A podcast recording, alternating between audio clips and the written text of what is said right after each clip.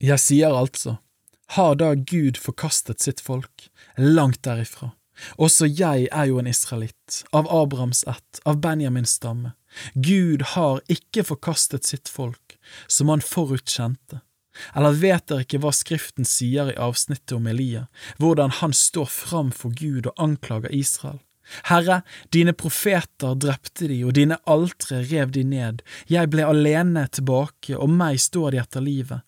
Men hva er Guds svar til ham? Jeg har latt det bli tilbake en rest for meg, 7000 mann som ikke har bøyd kne for Bal. På samme vis er det også i den tiden som nå er, blitt igjen en rest i kraft av Guds nådes utvelgelse. Men er det av nåde, da er det ikke mer av gjerninger, ellers blir nåden ikke lenger nåde.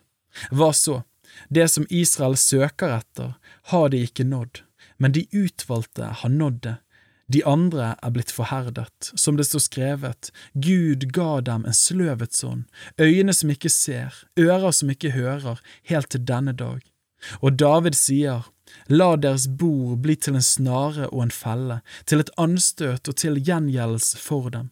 La deres øyne formørkes så de ikke kan se, og bøy alltid deres rygg. Jeg sier da, har de snublet for at de skulle falle? Langt derifra, men ved deres fall er frelsen kommet til hedningene for å vekke Israel til nidkjærhet. Men hvis deres fall er blitt til en rikdom for verden, og er deres fåtallighet blitt til en rikdom for hedningene, hvor mye mer da deres fulltallighet? Til dere hedninger vil jeg si, så sant jeg er hedningenes apostel, priser jeg min tjeneste. Kunne jeg bare vekke mitt folk etter skjødet til nidkjærhet og få frelst noen av dem? For er verden blitt forlikt med Gud ved deres forkastelse, hva annet vil da deres antagelse bli enn liv av døde?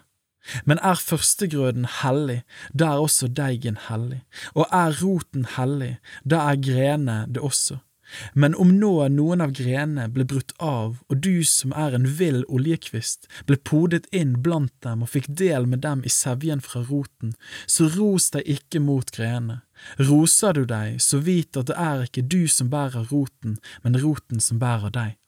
Du vil da si, grenene ble brukket av for at jeg skulle bli podet inn, nå vel. På grunn av vantro ble de avbrutt, men du står ved din tro. Vær ikke overmodig, men frykt, for sparte ikke Gud de naturlige grenene, vil han heller ikke spare deg.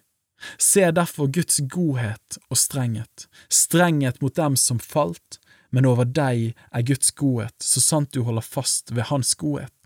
Ellers skal også du bli hogd av. Men også de andre skal bli innpodet hvis de ikke holder fast ved sin vantro, for Gud er mektig til å pode dem inn igjen. Du ble avhogd av det oljetreet som av naturen er vilt, og mot naturen innpodet i et edelt oljetre.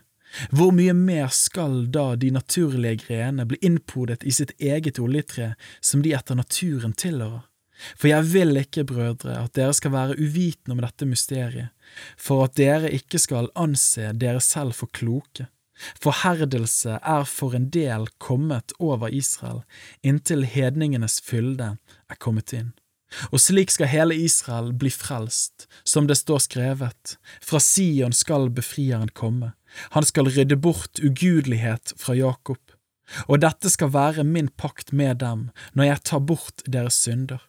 Når det gjelder evangeliet, er de blitt fiender for deres skyld, men når det gjelder utvelgelsen, er de elsket for fedrenes skyld, for Gud angrer ikke sine nådegaver og sitt kall. Dere var jo en gang ulydige mot Gud, men nå har dere fått miskunn, fordi de andre var ulydige. På samme måte har nå de vært ulydige, men ved den miskunn dere har fått, skal også de få miskunn. For Gud har innesluttet dem alle under ulydigheten, for at Han kunne vise miskunn mot dem alle og dyp av rikdom og visdom og kunnskap hos Gud, hvor uransakelige Hans dommer er, og hvor usporlige Hans veier. For hvem kjente vel Herrens sin, eller hvem var hans rådgiver, eller hvem ga ham noe først så han skulle få vederlag? For av ham og ved ham og til ham er alle ting. Ham tilhører æren i all evighet. Amen.